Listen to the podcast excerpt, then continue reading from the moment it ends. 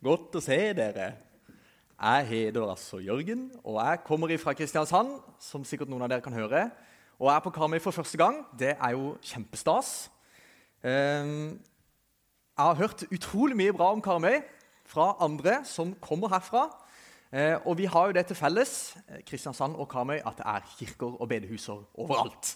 Og det er fint. Jeg liker det. Det er nesten som å være hjemme. Og det er veldig koselig. Og jeg står her i dag fordi at jeg har lest en bok. Og det er det jo ingen som gjør lenger, så da får dere høre om det når en sørlending har lest en bok. Eh, og det som er settingen for dette, som du sa, var at Svein Tore var i salen når jeg holdt et foredrag om eh, menigheter som er skal vi kalle det, attraktive for unge mennesker, eller menigheter som erfarer at det hele tiden kommer unge mennesker til menigheten, som er noe vi ønsker. Eh, og dette er faktisk fjerde gangen jeg holder dette foredraget i en menighet. Før jeg flytta til Oslo, to år før, eh, eller i høsten 2019, eh, som var kanskje ikke beste timingen i verden, men da flytta jeg til Rælingen på Østlandet, som er umulig å si, men Rælingen sier jeg da. Som er en bitte liten plass utenfor Lillestrøm, og jobba i en menighet der. Eller var der i to år da, og holdt dette foredraget der. Holdt dette foredraget i Frikirken, i Frikirken i Lørenskog og har gjort det da i Kirkekaffen i Østre Frikirke i eh, Oslo. Og nå her, i Ljosland, bed, Josland bedehus. Josheim, unnskyld. Josland det er en plass i, på, i Agder. Eh, min feil. Og det er veldig gøy. Det er stas. Eh, og det er morsomt å, å erfare at, at, Gud kan bruke så mangt. på en måte. Altså, det skal ikke mer til eh, egentlig at du har lest en bok, og så kan du også stå her og holde foredrag.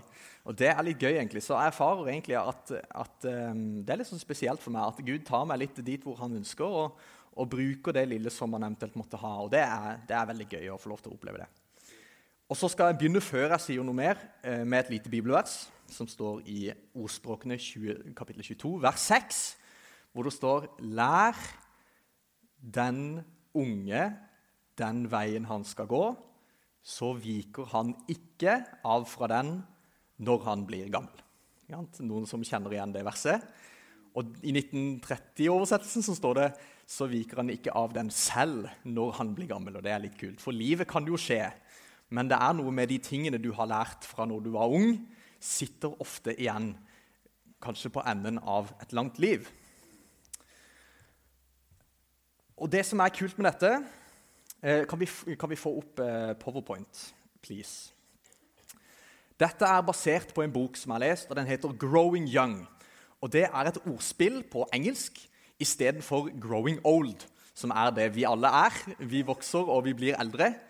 Eh, og Det gjør også alle menigheter og alle forsamlinger. sånn som dette. Vi er alle sammen 'growing old' og blir eldre hver dag. Men disse eh, i forfatterne i denne boka har tatt en eh, svær undersøkelse. Eh, boka ble gitt ut i 2016, og det er resultat av en undersøkelse gjort på 259 forskjellige kirker og forsamlinger i Amerika. Og det er 535 intervjuer med unge mennesker i disse menighetene. Og alle disse menighetene har én ting til felles. At de er 'growing young' istedenfor 'growing old'. Altså, det kommer hele tiden nye unge mennesker til forsamlingen, slik at forsamlingen aldri blir gammel og dør ut, men holder seg ung hele tida. Og det er kult. Og så har de tatt all den informasjonen som disse 535 ungdommene har fortalt om, og kokt det ned til seks kjennetegn som alle disse menighetene har til felles. Dette er de tingene som kjennetegner disse menighetene, som erfarer at det kommer unge mennesker til menigheten hele tiden. Og de skal vi ta og gå igjennom. Er ikke det gøy? Er dere klare? Veldig bra. Har jeg en sånn klikker? Og det her, Vi begynner rett på punkt nummer én. Og det her trenger det et lite, um, en liten ting. fordi at det er skrevet på engelsk, og da trengs det en liten sånn oversettelsesting her. Uh, kjennetegn nummer én er noe som de kaller for keychain leadership. Nø nøkkelring lederskap betyr det direkte oversatt. Og Det er litt sånn klønete å si på norsk. Uh, og Hva er tingen med dette? Jo, I kirken eller i menigheten eller i forsamlingen så har du pastor, f.eks. Du har eldste, og du har andre ledere som har ansvar for si, kirkekaffe, eller de som er vertskap eller lovsangsteam og sånne ting. Og alle disse har nøklene til bygget. De har den fysiske adgangen til å komme inn her. Om det er eh, kode Nå har man jo mer kode bare enn nøkkel og sånn brikke. Men uansett så er ting det samme. Og de bruker, det, bruker, en fortelling til å illustrere dette her punktet. Du har en ung mann. La oss bare si at han heter Martin. Og Martin han er en ung mann og går i en menighet. Og En dag så får han i oppgave å ha ansvar for å fylle på brusautomaten i menigheten. der hvor han går.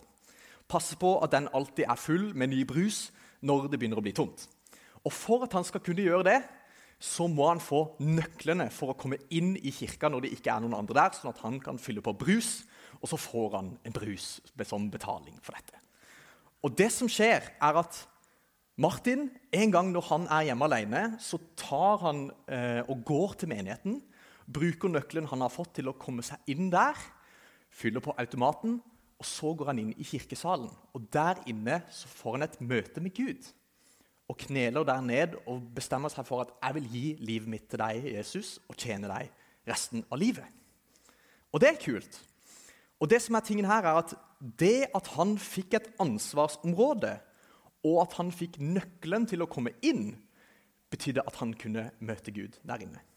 Vi kan møte Gud overalt, men det er allikevel noe spesielt med plasser som er dedikert til at mennesket skal få møte Gud. Og de sier man trenger sertifikat og bilnøkkel for å kjøre bil. ikke sant? Altså, For å komme i gang så må du eh, få bilnøkkel fra mamma og pappa, og du må få lov til å få sertifikatet fra de som deler det ut på Statens vegvesen. Ikke deler det ut, du må jo bestå, faktisk. til og med. Du kan ikke bare komme her, komme her. Og det er liksom bildet. Altså det å få ansvarsområdet tildelt av noen andre har noe å si for hvor delaktig du kan være med. Eh, pastorer, eldste ledere og folk i tjeneste har nøkler, fysiske og symbolske, som de kan dele ut til unge for å engasjere dem og gi dem ansvar. Og Det er disse som er nøkkelledere. altså de Pastorene og de eldste er nøkkelledere. Og det er tingen. Og Her er liksom der man skal begynne hvis man er en menighet og lurer på hvordan man skal få flere unge til å komme hit. Så begynner man med dette. Hvem er unge og går i menigheten nå? Er de modne for ansvar? La de få ansvar. La de få tilgangen til å være her. La de få erfare at dette er et sted hvor de kan komme for å få tilhørighet til fellesskapet, til menigheten. Å være nøkkelleder krever ikke at du er spesielt kul og relevant, sånn at du kan liksom være hipp med kidsa. Det er ikke sånn det funker, men at man er varm og ekte. Gjerne også når du har delt ut nøkkel til noen, så følger du kanskje denne personen opp og bygger da en relasjon med denne og ser hvordan går det med brusautomaten. ikke sant? Klarer du å fylle på? og Går det greit? ikke sant? Og Da har man en relasjon med en gang gående med et ungt menneske. Den blir jo da sett av deg, siden du er nøkkelleder. Nøkkelledere betror ansvar og myndiggjør andre mennesker og tenker langsiktig. Ikke sant? Vi skal ha det her et langt liv, eller til du blir student og flytter til Oslo. Men forhåpentligvis så vil du være her. ikke sant? Så dette er ting nummer én. Er det unge i menigheten her som er klar for ansvar? La de få det. La de kjenne at de har noe de kan bære, og la de få tilgang til å være her, slik at de erfarer dette som et hjem og en plass hvor de kan komme til. Og følg de opp, de som blir gitt ansvar, dere som er ledere. Og det er ikke bare du som er pastor, og du som er eldste eller du som er hva enn. Du som leder Kirkekaffen, f.eks. Finn noen som er klar for å bidra til det du gjør. Følg de opp, og vit at du bestemmer om noen er med i din tjeneste eller ikke. Du er på en måte portvokter for om noen kommer inn og får lov til å være med. Ikke sant? Veldig kult. Punkt nummer to. Sympatisere med dagens unge. Startpunktet for alle menigheter eller forsamlinger må være å forstå dagens unge og forstå deres utfordringer. Og det som er Problemet med det er at det er faktisk litt intenst. Fordi at ungdomsproblemer i dag er faktisk ganske intense. Kanskje mer enn de var for to generasjoner siden. Og Derfor kan det faktisk være krevende å sette seg inn i dem. Og Det å forstå den unge generasjonen i dag krever at man tar seg på en måte gjennom kanskje litt sånn røft terreng. Unge mennesker har behov for å finne svar på tre spørsmål. Hvem er jeg? Som er identitetsspørsmål. Hvor passer jeg inn?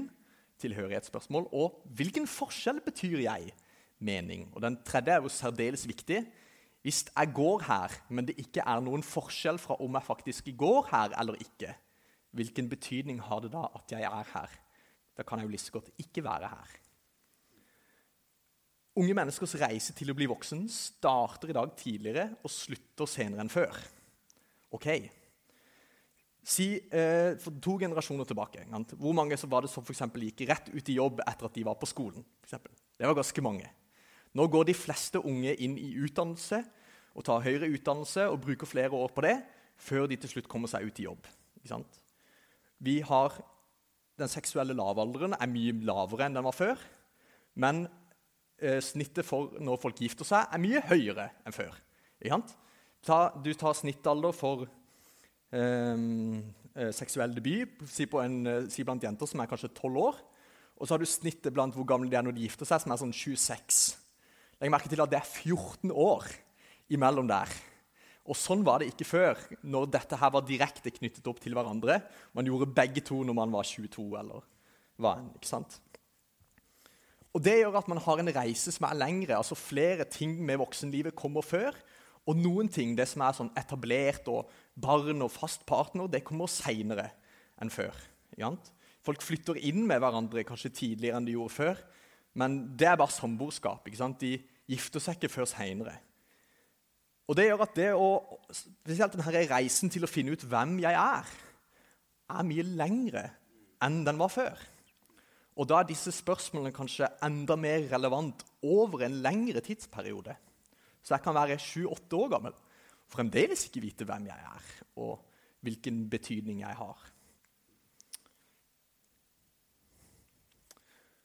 Unge menneskers ja, eh, lengre utdannelse, digital hverdag. Vi er jo eksponert for mer informasjon på et døgn enn mine besteforeldre kunne bli omtrent i løpet av hele sitt liv. Og Det er jo helt vanvittig egentlig at det går an seksuell eksperimentering og fravær av voksne. Det viser seg at voksne er mindre engasjert i sine barns liv enn det de var før. Dette er jo tatt fra Amerika, men jeg tror jo det kanskje kan stemme noe her også. Voksne er mindre engasjert i barns skolegang, f.eks. Hva de driver med der. Man er mye mer overlatt til seg sjøl. De fleste bor ikke sammen lenger. Det er mye høyere skilsmisserate enn det var før. ikke sant? Så de ikke, unge i dag får ikke modellert av sine foreldre hva en trofast relasjon er. Fordi det har ikke foreldrene vist dem. Og så sier de at denne generasjonens sult etter mening blir faktisk ikke mettet av denne verdens pluralisme, som er en fin ting. Som viser at verden kan tilby alt mulig på en gang. Og så allikevel så er det på en måte ikke nok. Man trenger noe mer. Og det er jo det som er fantastisk, at vi har mer å tilby. Vi har Jesus å tilby. Et budskap om håp og frelse som er fantastisk. Så man kan være ute i verden der og oppleve alle mulige ting, og så er det kanskje ikke godt nok for det om. Så punkt to sympatisere med dagens unge. De har en mye lengre reise fra å være ungdom til å bli voksen enn det som var vanlig bare for bare sist generasjon. Mine foreldre hadde en helt annen reise enn det jeg kanskje har. Punkt tre og det her er gøy. Ta Jesu budskap på alvor. Menigheter som vokser seg yngre, tar Jesu budskap på alvor. Og det er gøy, for det skulle man nesten ikke tro. Man skulle kanskje tro at man måtte liksom puse alt ned, og det er så kosete og hyggelig, sånn at ingen blir støtt av noe i det hele tatt. Det er ikke tilfellet. Det er ikke tilfellet. Tro er mer enn atferd og det å følge regler. Det handler om et liv. Jant. Og hvordan skal jeg leve i dag? Mindre om himmelen senere og mer om her og nå. Det er interessant. Her kan man jo kjenne at det kan gnisse litt, kanskje. For vi skal jo ikke gi fra oss håpet om herlighet, for det har vi jo.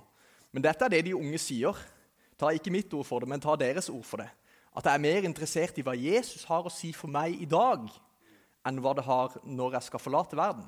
For jeg skal leve et langt liv, faktisk. Jeg har ganske mange år igjen, forhåpentligvis, hvis jeg er heldig. Kristendommen bringer ikke gode nyheter, det er Jesus som bringer gode nyheter.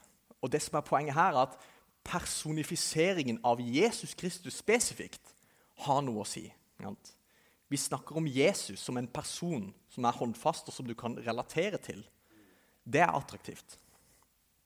Evangelisering ser veldig annerledes ut. Det er ikke sånn at ungdom ikke evangeliserer i dag, men de gjør det relasjonsmessig med sine venner på skole eller hvor de er ute. Det er ikke sånn, Man drar ikke ut i eh, sentrum og står på bruskasse lenger. For man gjør ikke det på samme måte. Man, man evangeliserer gjennom å knytte vennskapsbånd og relasjoner til andre som tenker mer langsiktig. Det går mer over tid.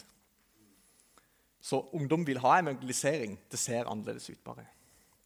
Kirker som tar Jesus på alvor, må følge etter hans eksempel. Og Kirker som vokser seg unge, følger den Jesus som en, ikke dømmer, men som setter fri. Som tar det knuste og setter det sammen igjen. Og det her er kult. Som inviterte sine etterfølgere inn i et disippelskap som krever offer. Unge mennesker er ikke redd for at Bibelen og at Jesu budskap og at evangeliet krever av dem, faktisk. Det krever faktisk noe av deg. Du har fått hele livet i gave, og så er responsen skal jeg gi livet mitt tilbake til deg igjen, Jesus. Ikke sant? Så det er faktisk sånn at vi skal, ikke, vi skal ikke puse alt ned og vi skal ikke legge skjul på budskapet. Men budskapet er, det er alvorlig, det er livsviktig, for det handler om livet. Det handler om frelse. Og det er Jesus som kaller. Han sier 'følg meg'. Følg etter meg, gjør som meg. Peter skriver i Peters brev han sier 'ha Gud som forbilde'. Og Det er store ord, og det er vanskelig. Men vi skal ikke være redde for å si at disippelskap det krever etterfølgelse. Det er kult. Punkt nummer fire. Denne er viktig.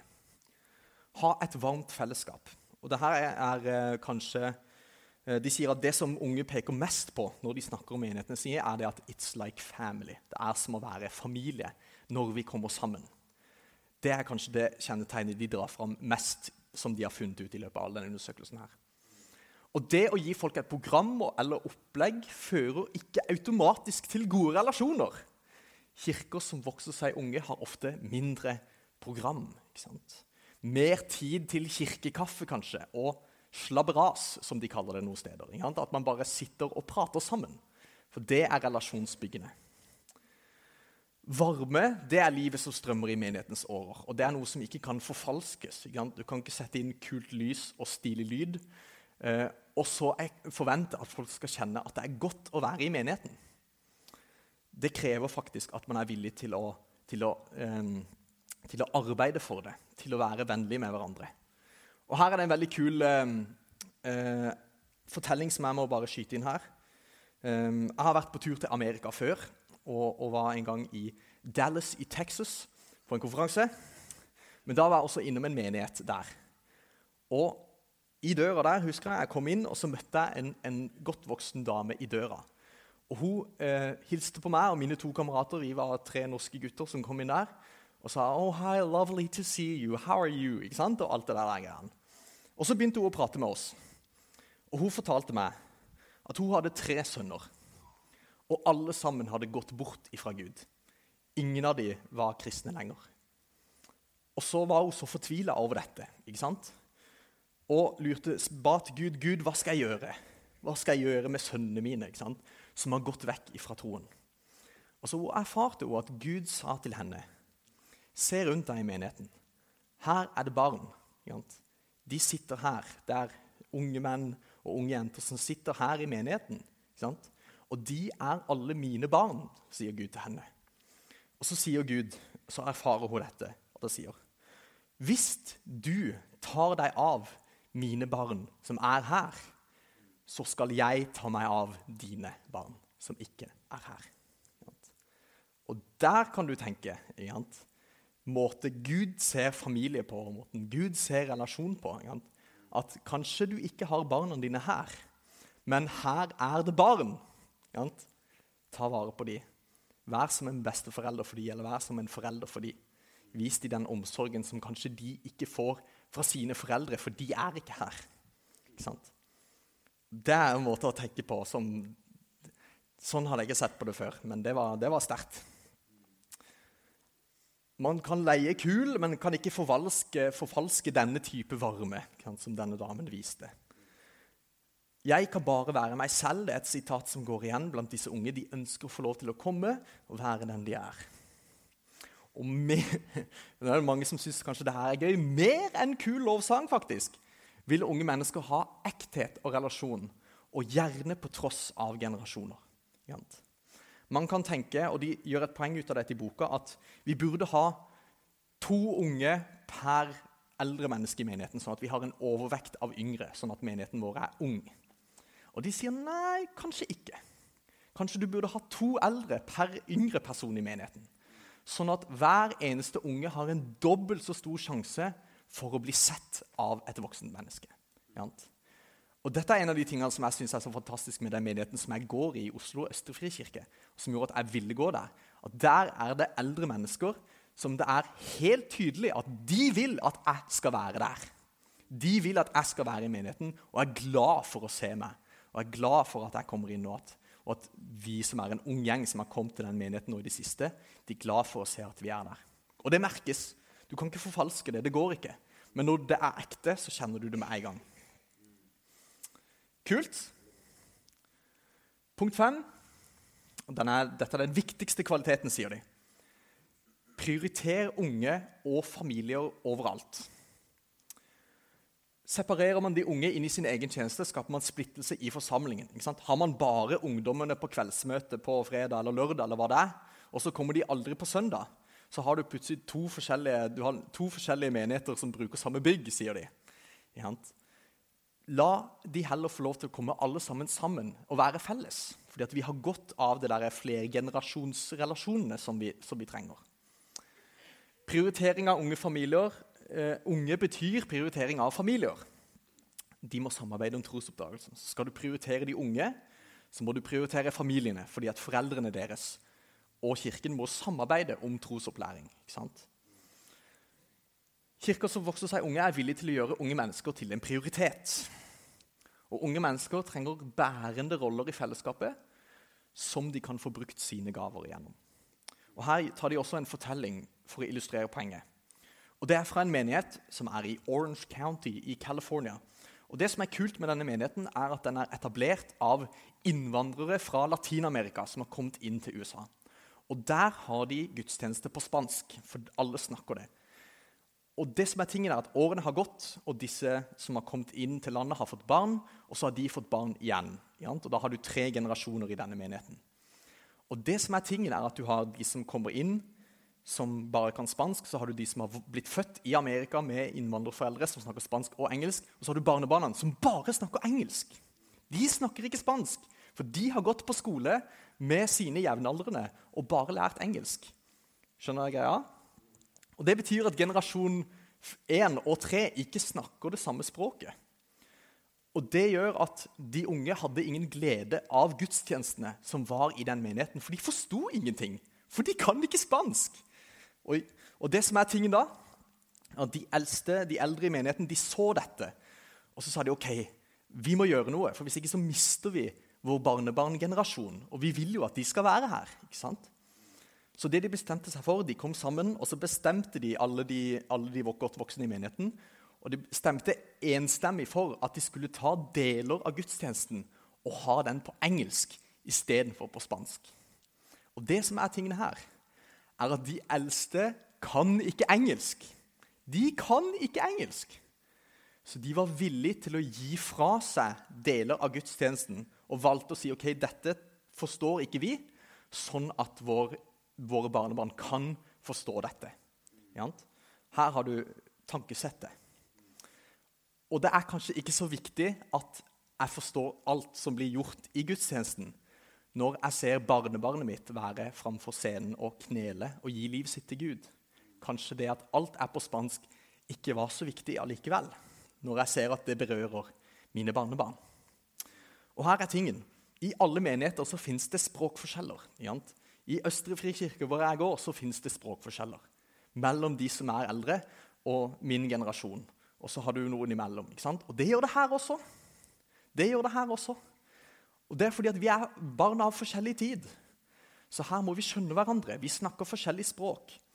Og da ser kanskje gudstjeneste og søndagsmøte det ser kanskje annerledes ut enn det gjorde før. Fordi at yngre i dag snakker ikke samme språket som for eh, to og tre generasjoner siden. Og så siste punktet vær den beste neste. Kirker som vokser seg unge, demonstrerer Jesus kjærlighet til samfunnet rundt seg. Og Unge spør spørsmålet 'Hvem er min neste?' Og Dette kommer jo fra bibelteksten, hvor, hvor fariseeren kommer til Jesus og spør ja, men hvem er så min neste. Og Så viser Jesus hvem det er. Og Unge trenger hjelp kanskje til å se hvem som er min neste. Så menigheten kan lede ved eksempel, ved å bidra til at de unge kan få en plass hvor de kan få lov til å bety noe for lokalsamfunnet, for, folk som er rundt i området. En kirkes ønske om å gjøre godt og lengsel etter rettferdighet er forankret i evangeliet om Jesus Kristus, han som har satt oss alle fri. Og Disse kirkene de anerkjenner balansen mellom å leve bibelske prinsipper i hellighet og å elske sin neste i nåde, som kan erfares som vanskelig. ikke sant? Og Det er liksom det som er casen her. Man trenger ikke si at alt er greit for å kunne være hyggelig mot noen. ikke sant? Altså, skjønner du hva jeg mener? Å være den beste neste betyr at menigheten reflekterer nåde ut til folk utenfor kirkens fire vegger ved å følge Jesu eksempel. Og så har du på en måte hjulet gående. De har en sånn kul tegning i boka hvor du har det første, nøkkellederskap, sympatisere med dagens unge, Jesu budskap på alvor, uh, ha et varmt fellesskap, prioritere unge familier overalt og være den beste neste. Og så går det. på en måte. Så her har dere kjennetegnene. Var ikke det her litt spennende? Det er litt sånn interessant å se. og Jeg ble overraska når jeg leste dette og leste denne boka og fant ut at det var kanskje ikke så mye som skulle til som jeg trodde.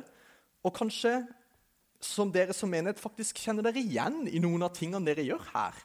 på disse kjennetegnene. Når jeg delte dette i Østre Frikirke, så var det en fyr som kom etter meg og sa han var fra, fra Bodø.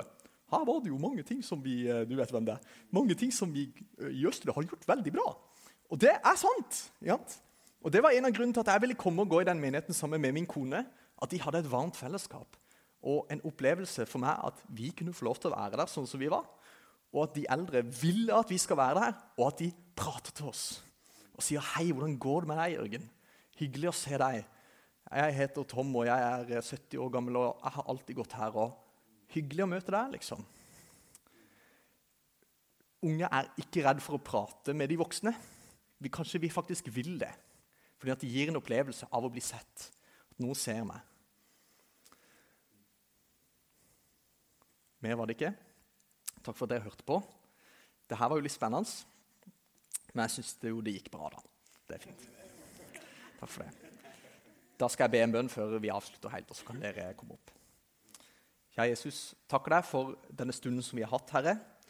Dette er forskning, Herre, og det er sosiologi og det er masse spennende ting, Herre. Men i Jesu navn så handler det om at vi ønsker at unge mennesker skal lære deg å kjenne, Herre. Vi ønsker at forsamlingene våre skal vokse, Herre. Vi ønsker vekkelse over landet vårt. Vi ønsker at folk skal få lov til å se deg, få lov til å bli frelst, Herre, og få lov til å lære å vite hvem du er, Herre. Lære å kjenne deg.